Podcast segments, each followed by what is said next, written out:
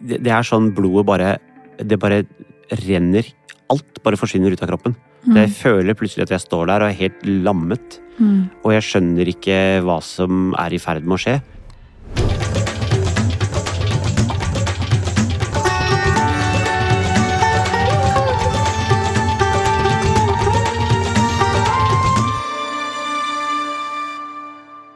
Hei, jeg heter Abid Raja. Og jeg heter Nadia Ansar. Du, Nadia.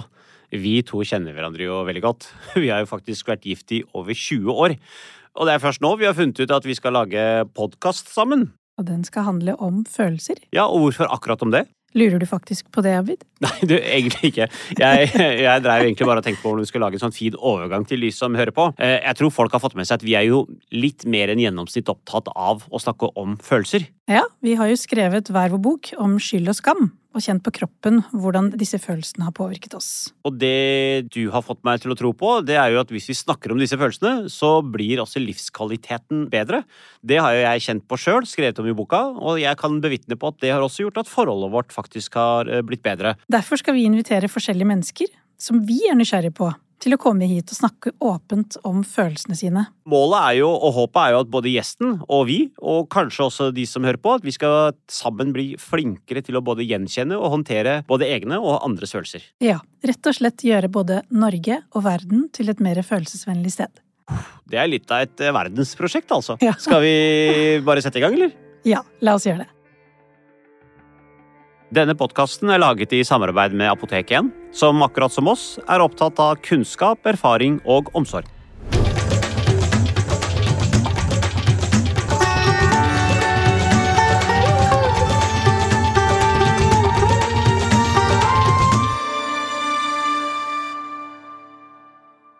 Det, alle gode ting er jo tre. Dette er tredje gangen vi er her. Ja, Denne episoden her, Nadia, den skal jo egentlig handle om oss to. Altså hvordan vi ble et par. ja, Eh, hvordan eh, Vi måtte jo ta kampen for hverandre mot slektningene og familiene. Ja. Eh, og etter hvert, da, når vi ble da ordentlig sammen og gifta oss, Mm. hvordan vi måtte ta kampen faktisk mot hverandre ja. i det forholdet. Mm. Før jeg kunne bli fri, og du også kunne bli fri. Ja. Og så kanskje litt hvor vi er nå, og litt mm. sånn om pardansen som vi har nå. Altså ikke den Ja. dansen som man går og danser på dansegulvet, men den derre moduset kanskje parene havner i. Ja. Men først må vi starte i eh, hvor vi møttes, og det er Altså, det er så langt tilbake at det er liksom, det er liksom sånn svart-hvitt-TV.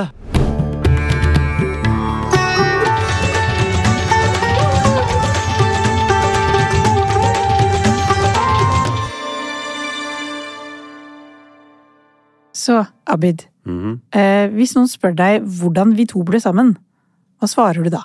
Det er egentlig ganske lang historie, altså. Men, ehm, Men hvis du, hvis du kan begynne da, og bare fortelle litt, så kan jeg fylle inn uh, eh, hvis det trengs. Ok, det, det er jo den gang det, Nå er vi tilbake i 1996, så det er jo veldig veldig mange år siden. Det er, jo nærmer seg nesten 30 år siden.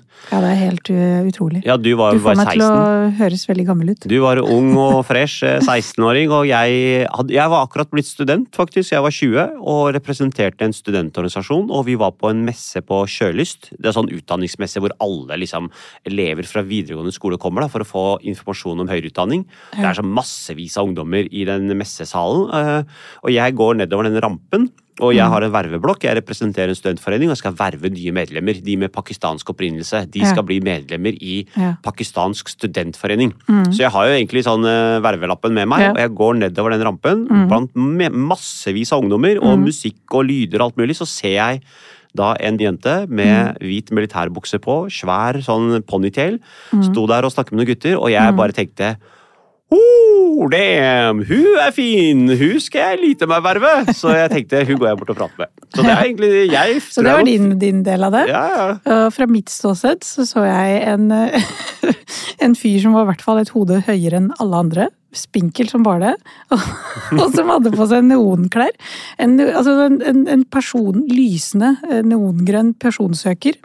Eh, og rave-outfit. Og de skoene, hva slags merke var det, da? Det var artsko. Ja, det var, det var kul, ass. Og jeg tenkte hvor viktig må ikke han være, som Ja. går rundt med sånn personsøker, liksom. Ja, jeg, faktisk, jeg var, jeg var sånn raver, ja. Det er helt riktig. Men så kom jeg bort til deg, så prøvde jeg, så tenkte jeg hun skal jeg verve, men de gutta som sto rundt deg, da, de var garantert på sjekkeren, de også.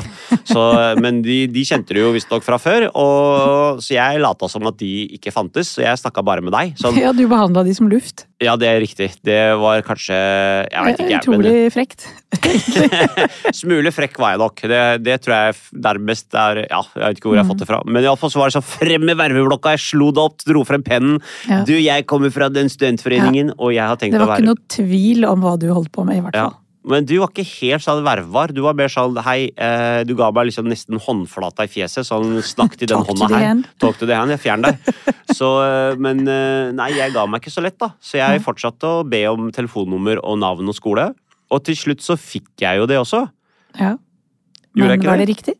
Eh, Jeg insisterte på at jeg skulle ringe deg dagen etter, for du var jo der på jakt etter noe sånn utdanning og sånn. Ja. Så jeg skal finne ut Jeg måtte ha en grunn for å ringe deg. Ja. Så jeg ringte deg, da, og da Det telefonnummeret du ga, det var ikke riktig. Nei. Så jeg lurte deg. Så du ga meg Feil navn og feil telefonnummer. Og feil skole. Feil skole òg, faktisk. Ja, så det var egentlig egentlig vårt første møte. Ja, vårt første møte endte med at jeg ringte en eller annen nordmann og spurte etter deg, og eh, navnet var feil, og så ringte jeg til og med den skolen for å finne ut om deg, men den skolen sa men det, sånn jente går ikke her. Nei. Så, så det, det, det var liksom Det var egentlig vår første treff, da. Ja. Og så var det jo litt sånn mye fram og tilbake, men sånn tilfeldigvis så eh, ble jeg invitert Eller jeg jobba meg ganske frem til å finne ut hvilken skole du gikk på. Det var ikke helt tilfeldig, Abid. Havna til slutt på skolen din, eh, og eh, for hun jenta med militærbukse, hun hadde jo liksom erobret sinnet. Ja. Så jeg kom på skolen din eh, og for å holde et foredrag. Eh, Da gikk du på Lambertseter videregående, Mm, eh, og jeg husker du hadde, du hadde bakt en kake, da. ja. ja. Og den kaka hadde jeg jo egentlig bare bakt glasuren på.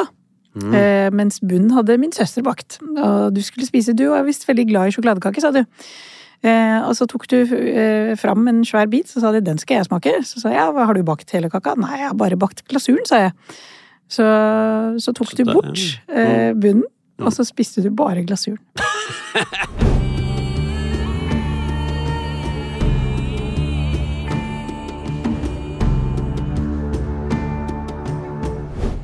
Mange lyttere som kanskje ikke forstår, i og med at vi er født og oppvokst i Norge, da, Ja. eh, og der hvor vi er i dag, så tenker man ja, men de er jo litt som oss.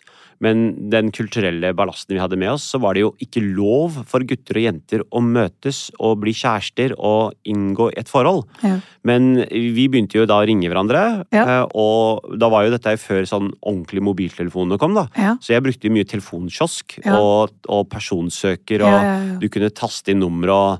Eh, og da taster hun kode for at Ja. liksom, jeg visste at det var akkurat du som ville ha tak i meg. ja. da. Og hva var koden da, husker du det? Ja, Det husker jeg. Det var eh, 143. Fra, Som liksom- står for Mm, Det er sånn bokstavene i I love you, da. Så det var, da visste jeg ok, jeg står det 143 på slutten av det ordet, så er det Nadia. ja. Og da løper jeg alltid sånn til telefonkiosken. Hun må jeg ringe med en gang. Og det var eh, ikke mange minuttene jeg måtte vente. For du, det, jeg var førstepri. Det Så med det. en gang det var ledig sekund, et øyeblikk hvor mamma og pappa ikke var hjemme, eller at jeg kunne lure meg bort fordi at det var for mange folk i huset, da gjemte jeg meg på loftet, og da sa jeg nå kan du ringe. Ja. Da fikk en jeg tekstmelding, altså. eller jeg fikk en sånn melding på telefonen Ja. eh, på personsøkeren. Lyste opp et nummer, og Ja. da sto det 143. Og da Ja. var det sånn ok, slipp alt du har, og løp til nærmeste telefo telefonkiosk. For nå er hun, nå er hun tilgjengelig. Men så ble vi jo da, altså Vi blir jo sammen. Eh, skjult sammen. Eh, for vi kan jo ikke være åpne kjærester. Det er ikke Nei. lov i den kulturen religionen vi kommer ifra. Ja. Så vi må jo da drive og leke sånn katt og mus-lek rundt Ja. i byen. Vi kan ikke Mm. gå åpent på gata. Vi må Mm. liksom avtale oss og møtes noe Ja. sted. Vi Ja. sitter ofte i hver vår T-badevogn til og fra. Vi går til og med på hver vår side av gata. Det er veldig viktig å holde det hemmelig. Mm. Det var jo ofte sånn at du skulle gå rundt og sjekke om det var klart for at jeg kunne komme ut og vise meg. Så det var jo veldig mye sånn høyre-venstre, pass på, hvem, det er noen som følger deg, det er noen Jeg som følte meg nesten som sånn PST-fyr. Altså. Ja, det var helt sånn følelse av å være overvåket av et system, da. Taxisjåførene som bare kjørte rundt i gatene i Majorstua. Vi gikk inn på Burger eh, King der på Majorstua, ja, ja, husker jeg. Og da var sånn alltid sånn redd for taxisjåførene, trikkesjåførene, Mm. bussjåførene. For mange av de hadde pakistansk opprinnelse. At de skulle se Sladre. oss og ringe til foreldra. nettopp. Og det er jo akkurat det som skjedde. Det var det som skjedde. Vi kom ut på Burger King, og du bare Det var onkelen min. Og onkelen din ringte til pappa, eh, og da sa han at Jeg har sett datteren din sammen med en Abid Raja. Ja, det var eh, Nå kan vi le av det, altså. Men det var, eh, det var et da? heftig øyeblikk i mitt liv. Eh, Fra å være den snille jenta som alltid er lydhør og pappas øyensten, som man kan si, til å plutselig være den som har skuffet drev, pappaen bedrev sin. hor eh, midt i Oslo sentrum, Ja, i Majorstua, krysset det- med Abid Raja. Og det blikket til pappa. Eh, hatet og Mm. skuffelsen og sjokket. Eh, og hvor mye skam jeg kjente på da, når han plutselig sto der og sa 'jeg har hørt' av min eh, en eller annen Mm. slektning, da, eller en onkel. Vi kaller disse for onkler, selv om de egentlig ikke er i slekt. Mm. At du har hengt med denne Abid Raja midt i sentrum. Mm. Åh, jeg kjenner det fortsatt, jeg. Uff, den svei Ja, det var, og jeg sto der og skalv og sa nei, nei, nei, jeg har bare vært på Blindern og studert, jeg. Lyver du meg midt opp i trynet? Mm. Det var ikke gøy, altså. Det var ikke gøy. Så jeg satt der og skalv eh, og løy og sa at jeg ikke hadde vært sammen med deg. Eh, ikke hadde, men han skjønte det, og jeg skjønte det, at nå var jeg avslørt. Mm. Eh, jeg gråt og skalv meg gjennom den kvelden. Og til slutt så spurte han meg om jeg kunne love at jeg aldri skulle møte deg igjen. Mm. Og jeg var altså da så full av skam Mm. for at jeg hadde påført pappa dette. Så du lovte han ikke treffe meg mer? Så jeg lovte å ikke treffe deg mer. Det er, eh, det er jo helt sykt, for du Ja. elsket meg jo, vi var jo glad i hverandre. Ja. Og du, Mm. nå er du 17-18 nesten, Ja. men eh, så lover du faren din at, Mm. at nei, jeg skal Du var faktisk deg myndig, den, at jeg skal ikke treffe han mer. er så, så, Mm. så sterk innvirkning kan skammen ha da, på et Mm. menneske. At jeg plutselig er villig til å sette til side hele meg, bare for å bli tatt inn i varmen igjen, da. Bare for å slippe å kjenne på den skamfølelsen som jeg kjenner på bare pappa kan si at jeg er snill og flink, og at, Mm.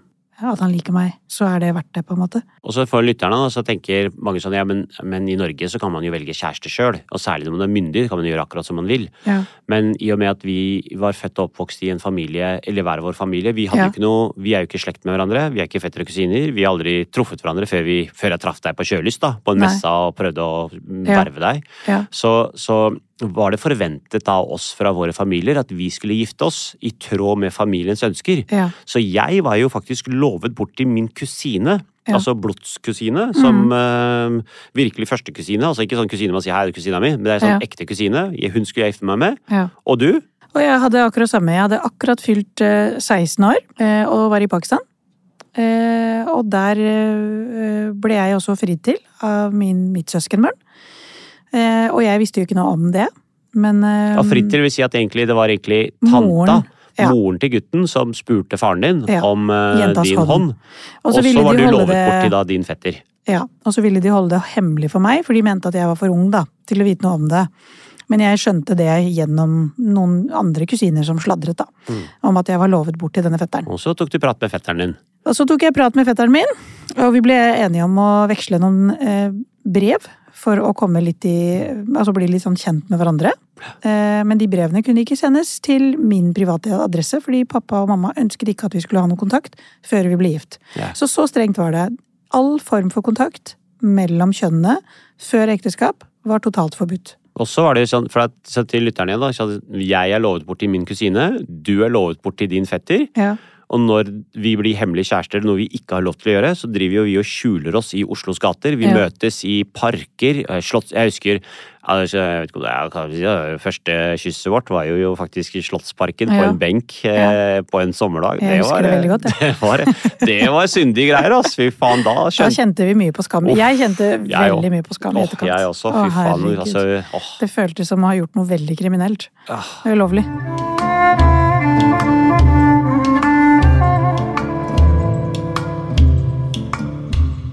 Vi møttes i det skjulte, og på et tidspunkt så må jo jeg fortelle faren min at jeg ikke har tenkt å gifte meg med kusina mi. Mm. Fordi at eh, jeg har jo Jeg kan ikke si at jeg er sammen med deg, men jeg vil si bare at jeg har lyst til å gifte meg med en annen jente. Ja. Og da kommer det jo frem at mine slektninger og familie tolererer ikke engang at jeg skal gifte meg ut av kaste, for vi har mm. forskjellig kaste. Altså, Det er ikke Ja. noe egenskaper ved oss, det er ikke Nei. noen egenskaper vi er født med. Det er bare sånn altså Hundrevis av år tilbake så var kanskje en eller annens eh, far kanskje mm, gullsmed, eller eh, altså da, da, er det en måte, da tilhører du da gullsmedkasten. Og da kan ja. ikke de gifte seg med eksempel eh, de som er gård, altså bønder da, eksempel. Ja. Så det kastevesenet som er nedarvet fra plutselig kom inn i vårt eh, fang, selv om vi er født og oppvokst i Oslo. Du har gått på Lambertseter og jeg på Foss. Vi Ja. har forelska oss, vil Ja. gifte oss med hverandre. Men Ja. slektninger bare nei, Ja. det går faen ikke. De to kan ikke gifte seg med hverandre fordi de forskjell, tilhører forskjellig kaste. Når vi først sa vi har, ikke, eh, vi har lyst til å gifte oss med hverandre, så var det jo egentlig først blankt nei fra mine slektninger. Mm. Og så ble jo ikke kanskje dine slektninger så happy når de fikk vite at mine slektninger så ned på dine slektninger fordi vi var av eh, Ulik kaste, og jeg hadde jo mye lavere kaste, ikke sant. Sånn at jeg visste jo Betraktet ingenting. som. Ja, de ja, ja, ja. Jo da. Altså, jeg tror ikke noe på det, og det gjør jo ikke du heller, men Eh, Hvis du skal gå til kjernen i denne historien, så er det egentlig at vi på hver vår måte var egentlig lov... Jeg var lovet bort til min kusine, du til din fetter. Vi møttes i det skjulte, ble sammen. Våre familier ville egentlig ikke at vi skulle gifte oss. ja. Og etter fem år med denne skjulte dansen, at vi møttes i det skjulte og dro på hemmelige dates, Ja. og, og på et tidspunkt så ville ikke du treffe meg lenger heller, fordi du hadde jo lovet faren din å ikke treffe, så vi hadde jo nesten flere måneders ikke- pause hvor vi Ja, ikke ja, ja. møttes fordi at Jeg trodde jo ikke at eh, pappa kom til å annullere forlovelsen med fetteren. mm, Eh, Jeg, jeg trodde det var helt umulig å komme seg gjennom det og kunne få deg eller vinne kjærligheten. Da. Men etter fem år med kamp, Ja. så får vi til slutt familienes velsignelse, Nettopp. og vi får lov til å gifte oss. Ja. Og det er også sånn lytterne tenker sånn, ja, men trengte dere familienes velsignelse? Jeg var jo da godt myndig, jeg var jo Ja. oppe i sånn, liksom, 3-24 år, og du Ja. var også blitt eh, 21, ikke så vi trengte jo ikke familienes lov Nei. etter norsk eh, målestokk. Nei. Men i og med at nå, da, når vi sitter her og er blitt så frigjorte, og så frie at vi ja, ikke sant? Altså, Vi tenker ikke lenger på begrensningene, vi, får, vi tar friheten litt mer for gitt nå. Ja. Men den gangen så var vi så fengslet inn i den kulturen som vi var oppdratt med, at Ja. vi turte bare ikke å gjøre mer opprør. Nei, og så var det noe med at det var viktig å få familiens velsignelse. For det er jo risikabelt, ikke sant, å ta valg og trosse familien. Da står du jo alene. Og det er jo veldig sårbart. Så, så vi trengte familiens velsignelse eh, da, og jeg tenker at det er jo på en eller annen måte forståelig. At, at, men det er jo klart vi betalte en veldig dyr pris for det. Eh, eh, men, men det var også noe med at vi ville kjempe for hverandre, men vi ville gjøre det med familiens velsignelse. Det var viktig for oss, da. Og det var det som tok så lang tid.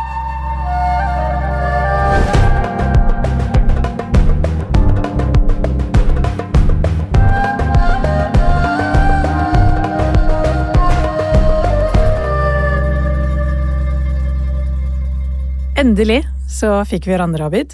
Eh, Jeg vet ikke om du husker det så godt, men jeg husker veldig godt når vi hadde råd til å kjøpe et oppussingsobjekt, vår egen leilighet på Brattekallen. Eh, Leiligheten var på 67 kvadrat. For oss så kunne det Rett ved T-banen. 300 met- eh, kvadrat. Dette var sånn det føltes. Du kunne høre T-banen, faktisk. Ja, Mm. det var bare vårt sted. Der kunne vi få lov å velge vårt eget interiør, våre egne ting. Hvordan vi Svær ville, ville ha det. Vi hadde vært eh, i Dubai. Vi hadde vært på så mange harry steder og kjøpt rare ting. Vi hadde til og med sånne eh, statuer over Romerske krigere. Romerske krigere. Og jeg hadde malt Venezia-maske. Ja, Det måtte vi faktisk gjemme hver gang det kom Ja. en muslim hjem, for de tenkte det var sånn avgudsdyrking. Så de måtte ta fra veggen og legge i skuffen. ikke sant det? Du kan ikke ha vasker der inne, for da kan man tenke at det var Gud. Og jeg hadde malt sånn gresk mønster på veggen, altså øverst på veggen, for det var så inn med sånn eh, maling på sånn bor bordekant, liksom. Uff. Og så spiste vi, altså vi hadde jo ikke nok eh, møbler på den tiden, så noen ganger så satt vi ute på terrassen, så spiste vi på gulvet. Husker Satt du det? sittende på gulvet. Det var så koselig. Det var veldig romantisk. Mens eh, T-banen rulla forbi. T-banen kunne vi høre der, men det var vel fortsatt eh, T-banen husker ikke jeg så godt. Ja. Men, men jeg husker liksom stemningen. fin leilighet. Utrolig fin leilighet, og bare det å ha liksom sitt eget fristed, hvor vi to kunne være sammen. Libakfare, husker jeg. Ja. Mm. ja. Nia.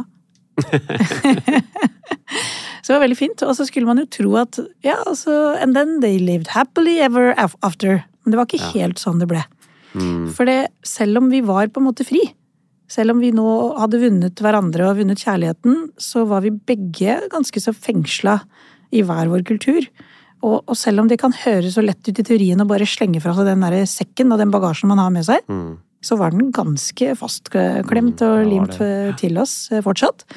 Eh, Så både jeg var ganske undergoda, og du var fortsatt ganske kontrollerende og dominerende. Mm. Så det var noen harde, harde, harde kamper da, som Mm. vi måtte ta på den tiden. Jeg vet ikke om du husker det så godt, men du var jo fortsatt veldig opptatt av å passe på hvem jeg var sammen med, hvem jeg møtte, eh, hvordan jeg var kledd. eh, når jeg kom eh, hjem, eh, når jeg dro hjemmefra.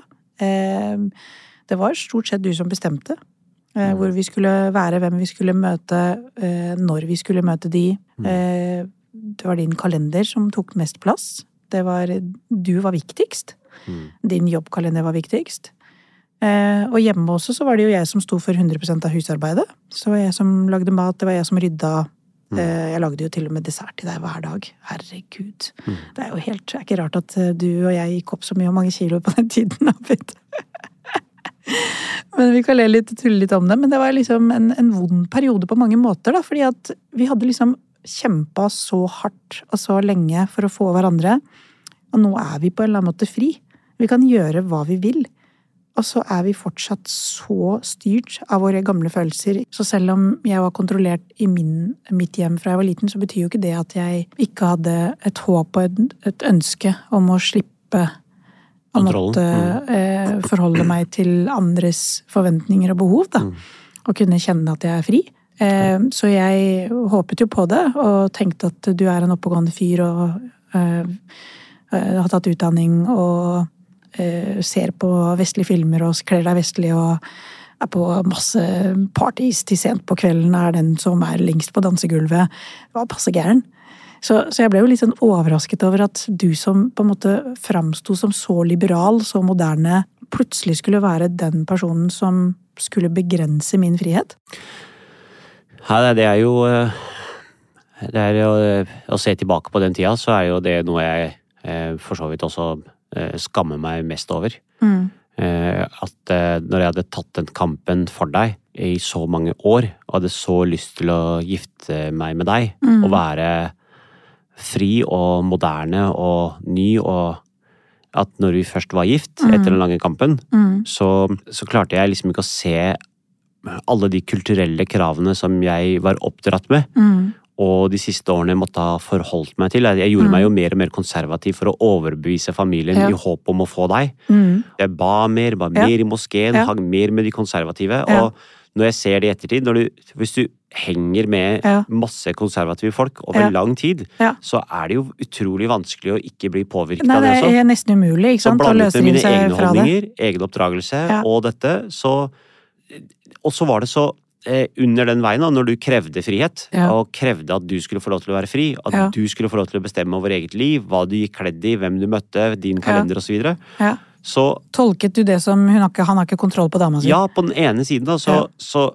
kan du si at altså, en del av meg har lyst til å slippe alt, Ja. og bare tenke la oss være helt frie. Ja, Og så er det en del som er så utrolig redd for hva kommer til å skje da. nettopp. Både med oss, men Mm. hva kommer folk til å si? Ja. Og hvordan kommer jeg til å bli bedømt av andre pakistanske muslimske Ja. menn, og i kulturen, Ja. og av religionen, og ikke sant All, Det var sånn Og av mamma og pappa, ikke minst. Ja, men når jeg står her i dag, så tenker jeg åh, Altså, det var, det var noen år der som var Jeg skal ikke si bortkasta, men som ble eh, Hvor vi kunne Trolig bare vonde. ja, for hvor oss vi kunne da. Mm. bare hatt det helt dritkult, dritgøy, være helt frie, sånn som vi er nå. Ja. eh, Og i mye yngre alder. eh, At det var så mange år som gikk bort til å forme Frykten og skammen som ja, vi begge kjente på. Skammen, og forme oss tilbake til litt mer moderne og litt mer liberale gi slipp. Altså Mm. Nå som vi har gitt slipp, Ja. så er det utrolig deilig å puste og leve fritt. Mm. Så det er så synd å tenke at Så mange år har gått tapt, da. ja, at jeg ikke klarte å gi slipp Mm. i de årene. Ja. Men jeg er jo også Og så takknemlig for at du allikevel ikke ga slipp. da. At du ikke Ja. bare tenkte 'nå orker jeg ikke han mer'. Det som på en måte også henger med i historien, er jo at jeg vet jo hvor sårt jeg har trengt deg opp gjennom livet mitt. Så det er jo ikke sånn at jeg på en måte var ferdigtenkt og ferdigreflektert før jeg møtte deg. Jeg visste jo ikke engang hva jeg skulle bli. Eh, Jeg ante ikke hvordan Blindern så ut. Og uten deg så tror jeg jo aldri jeg hadde klart å tenke tanken om at jeg kunne bli psykolog. Eh, Og det ene er å tenke tanken, men det andre er å faktisk klare å gjennomføre det på den måten her. Det var jo fordi at du var tre og et halvt år eldre enn meg, og viste vei. Du var liksom den kloke stemmen som sa 'dette skal vi få til, Nadia'. Dette har jeg tro på at du kan få til. Selvfølgelig skal du bli noe av i livet ditt, du også. Klart du kan det! Så det var også den derre veilederen, hjelperen min, som hele tiden ga retning og mening til livet mitt. Og jeg var helt, helt, helt avhengig av deg. Så det er også en grunn til at Det er det som også er rart å se at hun jeg elsket så mye, som jeg ønsket å ja, hjelpe meg og Men det var også hun jeg da Ja. kontrollerte kontrollerte Ja. og ville holde fengslet allikevel. Mhm. Så det er, det Det er er jo det som er fascinerende. ikke sant? At På den ene siden så er det sånn jeg gir deg full frihet, eh, og det er så åpenbart at det er det du ønsker å være. Og på den annen side så har du disse følelsene som kommer i veien. Disse gamle følelsene.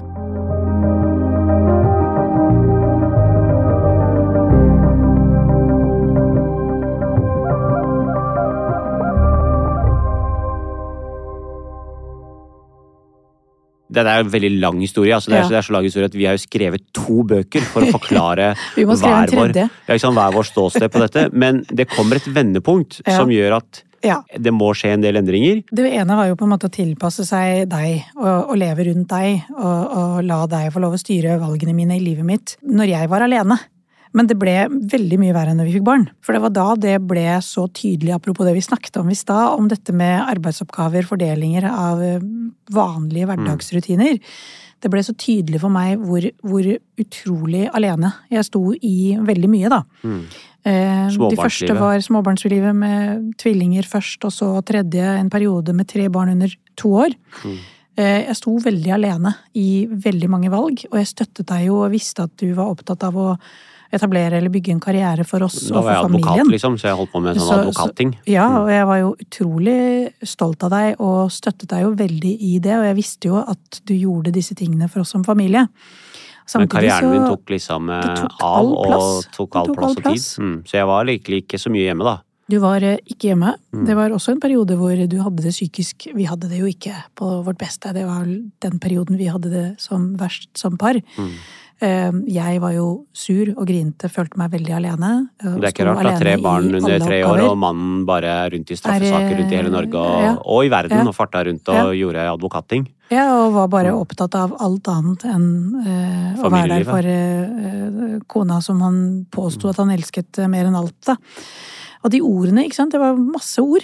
Det var liksom aldri noe sånn Ordene var der, og takknemligheten var der, men jeg så det bare ikke i handling. Ehm, og jeg begynte å bli så redd for at dette er liksom et valg jeg tar, og jeg har sagt at jeg skal stå ved din side og støtte deg, og plutselig så ble jeg liksom sånn Er det dette på en måte som venter meg for all evig framtid? Er det en, den type holdninger jeg vil at barna mine skal vokse opp med?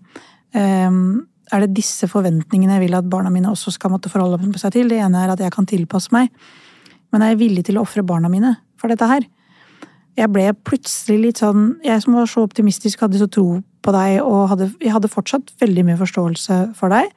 Jeg ble plutselig redd for at jeg ikke kommer til å klare å få til den endringen i deg som jeg håpet på, da. Eller at du skulle klare å skjønne at du trenger hjelp. Trenger å oppsøke hjelp og trenger å snakke med noen om det som er vanskelig. Um, så, så det endte jo opp med at jeg skrev et brev til deg. Du skrev et brev til meg, ja. Ja, Når jeg jeg var på det. vei til en eller annen straffesak i en eller annen by. Og jeg tenkte, for jeg har alltid vært veldig svak for deg, David, så, så jeg visste med meg selv at jeg, hvis jeg sier det til deg muntlig, så kommer jeg til å se det valpeblikket, og så er jeg smelta. Du, var jo veldig god på å si sånn 'unnskyld, da'. Unnskyld. Kom igjen, da. Ok, da. Jeg skal skjerpe meg. Og så ble det jo bare ord, ikke sant. Så det ble jo ikke til noe handling. Så jeg tenkte hvis han sier det til meg muntlig, så kommer jeg til å smelte. Så, eh, så jeg skrev et brev. Det Et, meg oppsigelse, et oppsigelsesbrev, egentlig. ja, ja, ja. Egentlig slå-opp-brev. Et slå-opp-brev, ja. Mm. Hvor jeg sa at eh, dette kommer nok til å komme som et sjokk på deg, Abid, men jeg kommer nå til å bryte det viktigste løftet jeg har hatt i livet mitt. Jeg kan ikke leve videre sammen med deg, Abid.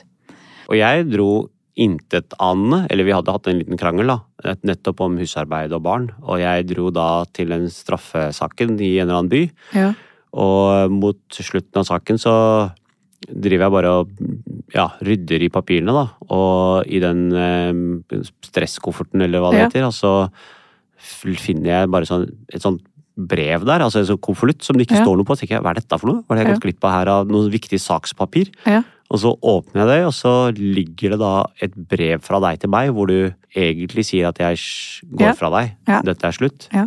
Og jeg bare merker da at eh, det, det er sånn blodet bare Det bare renner Alt bare forsvinner ut av kroppen. Mm. jeg føler plutselig at jeg står der og er helt lammet. Mm. Og jeg skjønner ikke hva som er i ferd med å skje. Mm. Jeg, eh, jeg blir faktisk fysisk kvalm. Altså Mm. sånn at jeg får lyst til å brekke meg og kaste opp. Og, Mm. og, og jeg pakker alle sakene sammen med en gang. Mm. Og heldigvis var saken egentlig over, så jeg skulle liksom hjem igjen dagen etter. Men jeg bare endrer, liksom legger om og bare kjører liksom rett hjem. Mm. Og, og jeg skjønner jo da at ok, nå har jeg pushet deg til det siste. Og hele veien så tenker jeg bare på et eller annet da, som skal gjøre at jeg skal klare å holde på deg og Mm. holde på dette forholdet. Eh, Altså, jeg må jo være ærlig og si at jeg ble jo så utrolig overraska. Altså, jeg skulle jo på en eller annen måte visst at du er jo en observant fyr som legger veldig merke til om det ligger et ja, men det lå veldig skjult i en sidelomme. Men du så, oppdaget den veldig fort. ja. Eh, Ja, det var ikke så fort, men det var liksom Og jeg hadde jo gjort eh, familien min forberedt på det, så foreldrene mine visste om det. Eh, og eh, barna var eh, på det tidspunktet da hos foreldrene ja, De var våre. småbarn, de var jo babyer. Eh, og, og du skrev faktisk meldinger til meg underveis. Eh, ikke klandrende meldinger, ikke sure meldinger, bare utrolig omsorgsfulle, snille, kjærlige meldinger om at du hadde innsett at du hadde gått for langt, og at du var villig til å gjøre hva som helst. Bare jeg ga deg en sjanse til. Så um, da kom jeg hjem og tryglet om tilgivelse og eh, lovte endring. Og jeg hadde jo hørt det før. Ja. da hadde jeg brukt litt, noen timer da, på å forberede meg Du til hadde ett krav, og det var at jeg Altså, eller to krav, da. Det var at jeg skulle vise i praktisk handling at jeg kunne være en likestilt eh, ektemann som tok faktisk eh, ansvar hjemme, men at jeg også gikk til en psykolog ja. for å snakke om mine barndomstraumer. Mm. Altså vold i hjemmet og alt jeg hadde opplevd. Mm. Eh, Så det gjorde jeg. Jeg dro til en norsk, eh, etnisk norsk eh, dame da, for Ja. å få den hjelpen.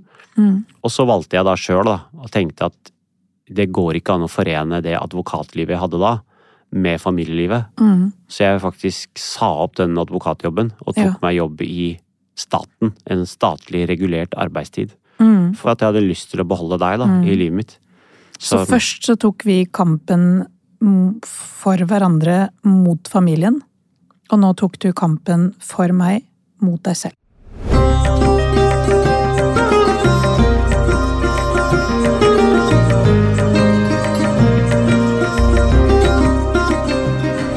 Jeg er jo veldig glad for at jeg valgte å bli eh, med deg, Abid. Men selv om, eh, selv om du startet, eh, eller sa ja til å gå i terapi, eh, og lovte å endre på deg, så var det ikke sånn at det var quick quicks akkurat.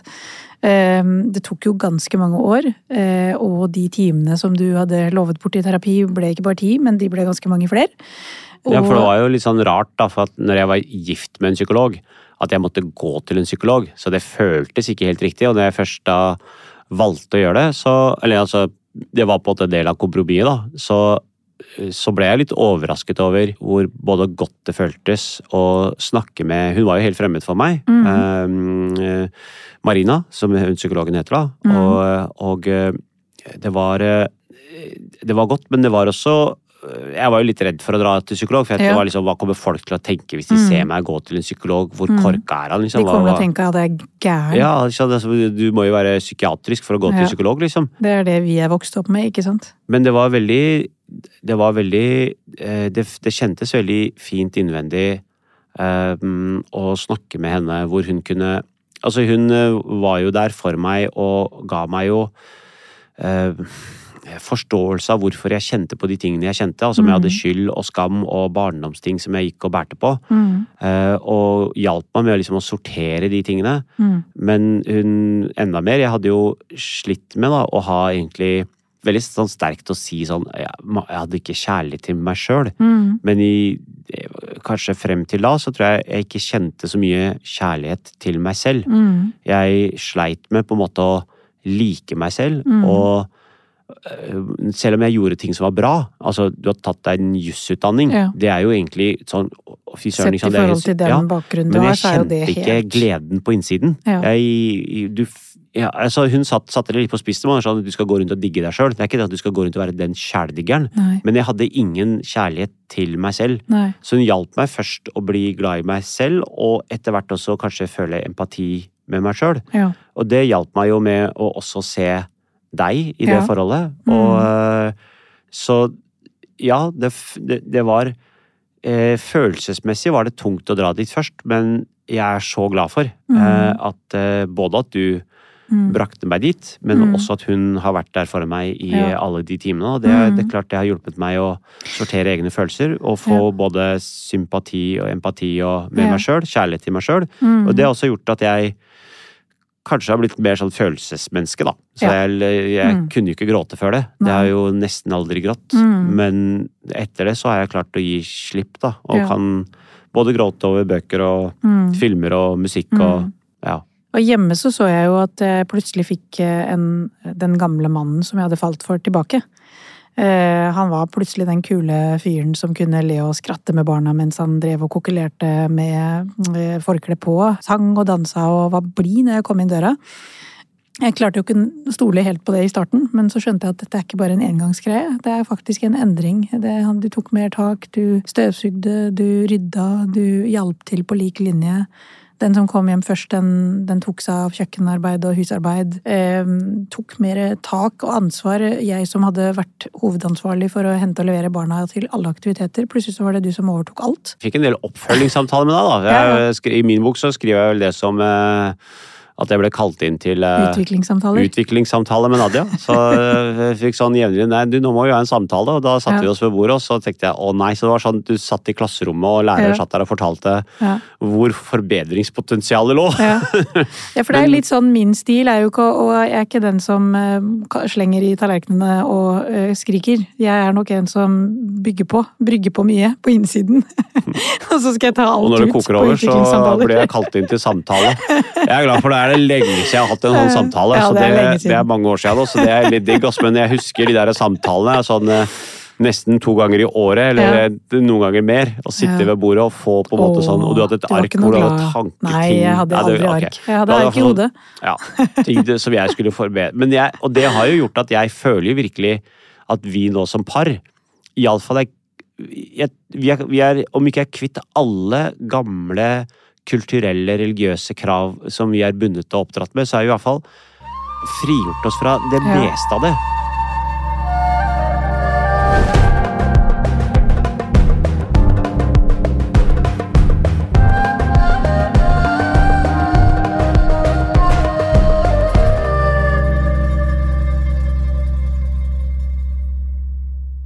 Helt på starten så sa jeg vi skal komme til den der pardansen. Ikke den da- dansen vi har på dansegulvet. Nei. Eh, Men altså den eh, partingene som alle par havner i. Sånn eh, modus operandi, på en måte.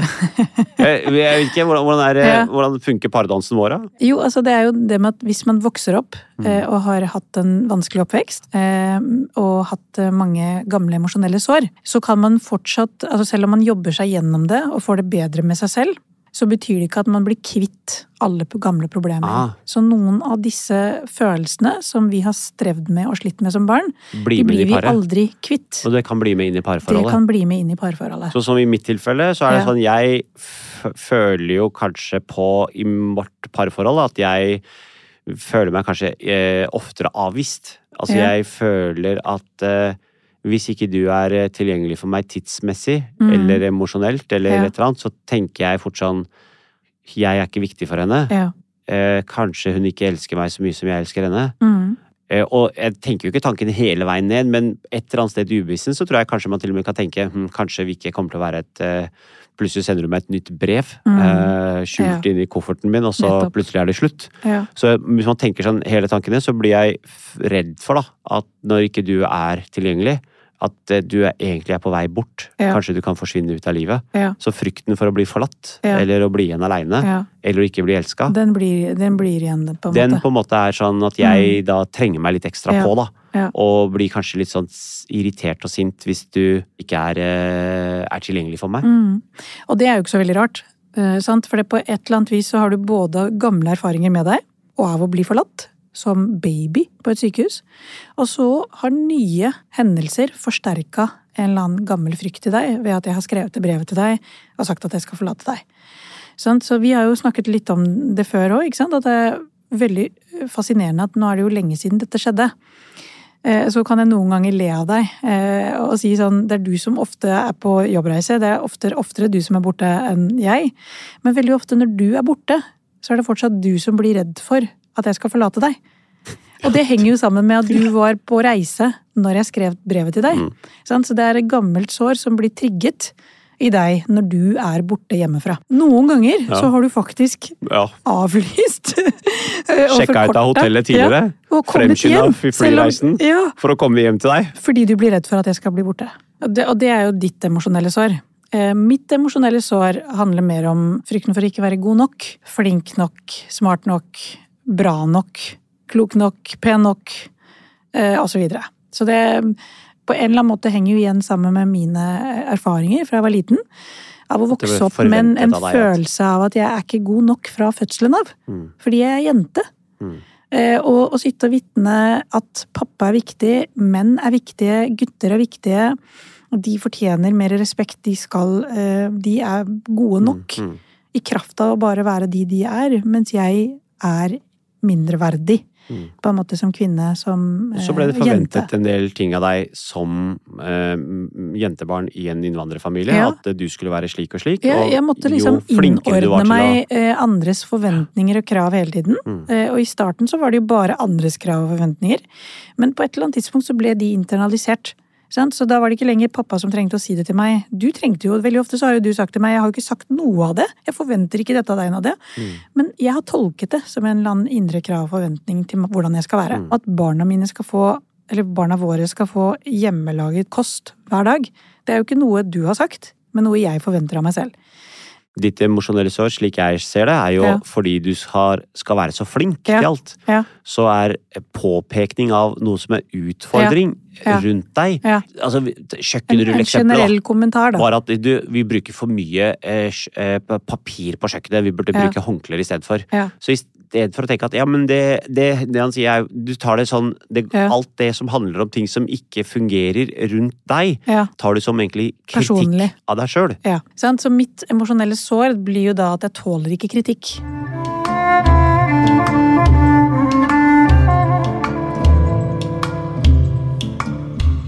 Så når to mennesker med to litt sånn ulike emosjonelle sår møtes, noen ganger så kan vi da havne i en sånn dans hvor jeg kan kjenne på at nå forventer Abid mye av meg.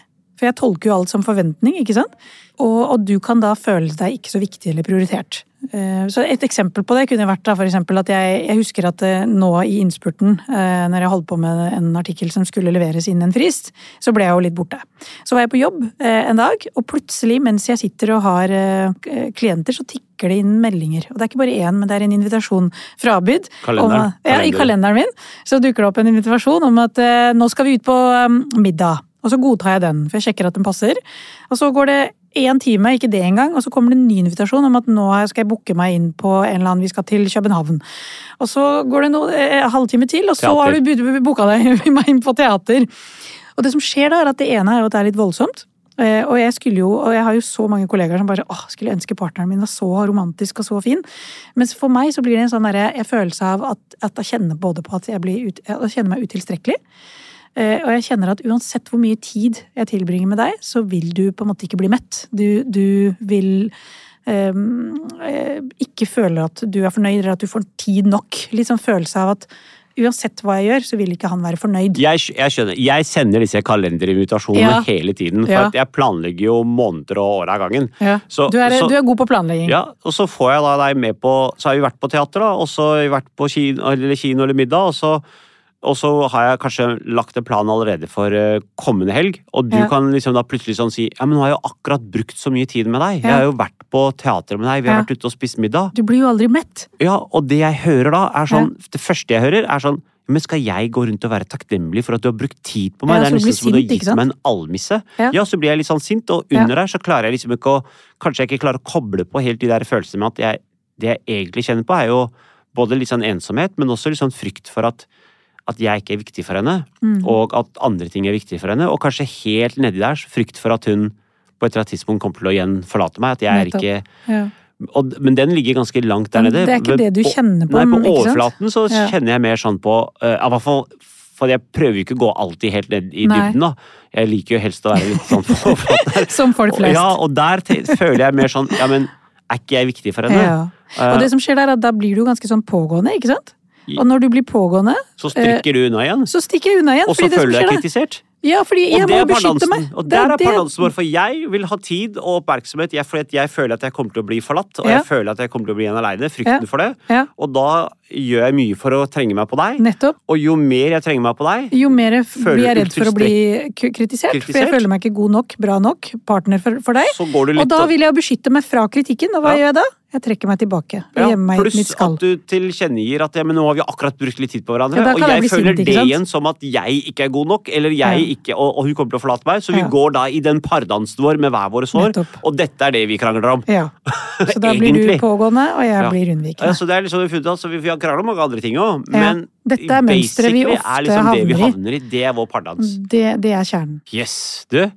Jeg føler nesten at jeg har vært i litt sånn type parterapi. Ja. Altså, jeg, jeg har jo egentlig aldri gått i parterapi, men jeg føler liksom Det var litt sånn eh, Vi trengte ikke terapeut engang, vi trengte Nei. bare podkaststudio. Så Ja, så er vi vært en type Er det ikke sånn? Men litt sånn deilig å ha gjort dette. Ja. Litt sånn første episoden om min historie, så din historie, og Ja. nå litt sånn oss som par. Hvordan vi havner litt litt i vår egen pardans, da. Ja, så har vi liksom satt liksom rammen for uh, podkasten. Ja, Ja. det syns jeg. Denne episoden her går jo mot, mot slutten. Det var ikke den letteste episoden. Nei. Men veldig gøy dette. Vi gleder oss til neste uke. Da kommer vår første gjest. Ha det bra.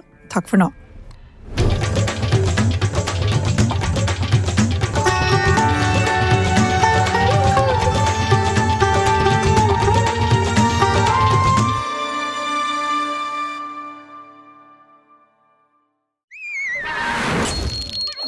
Plan B.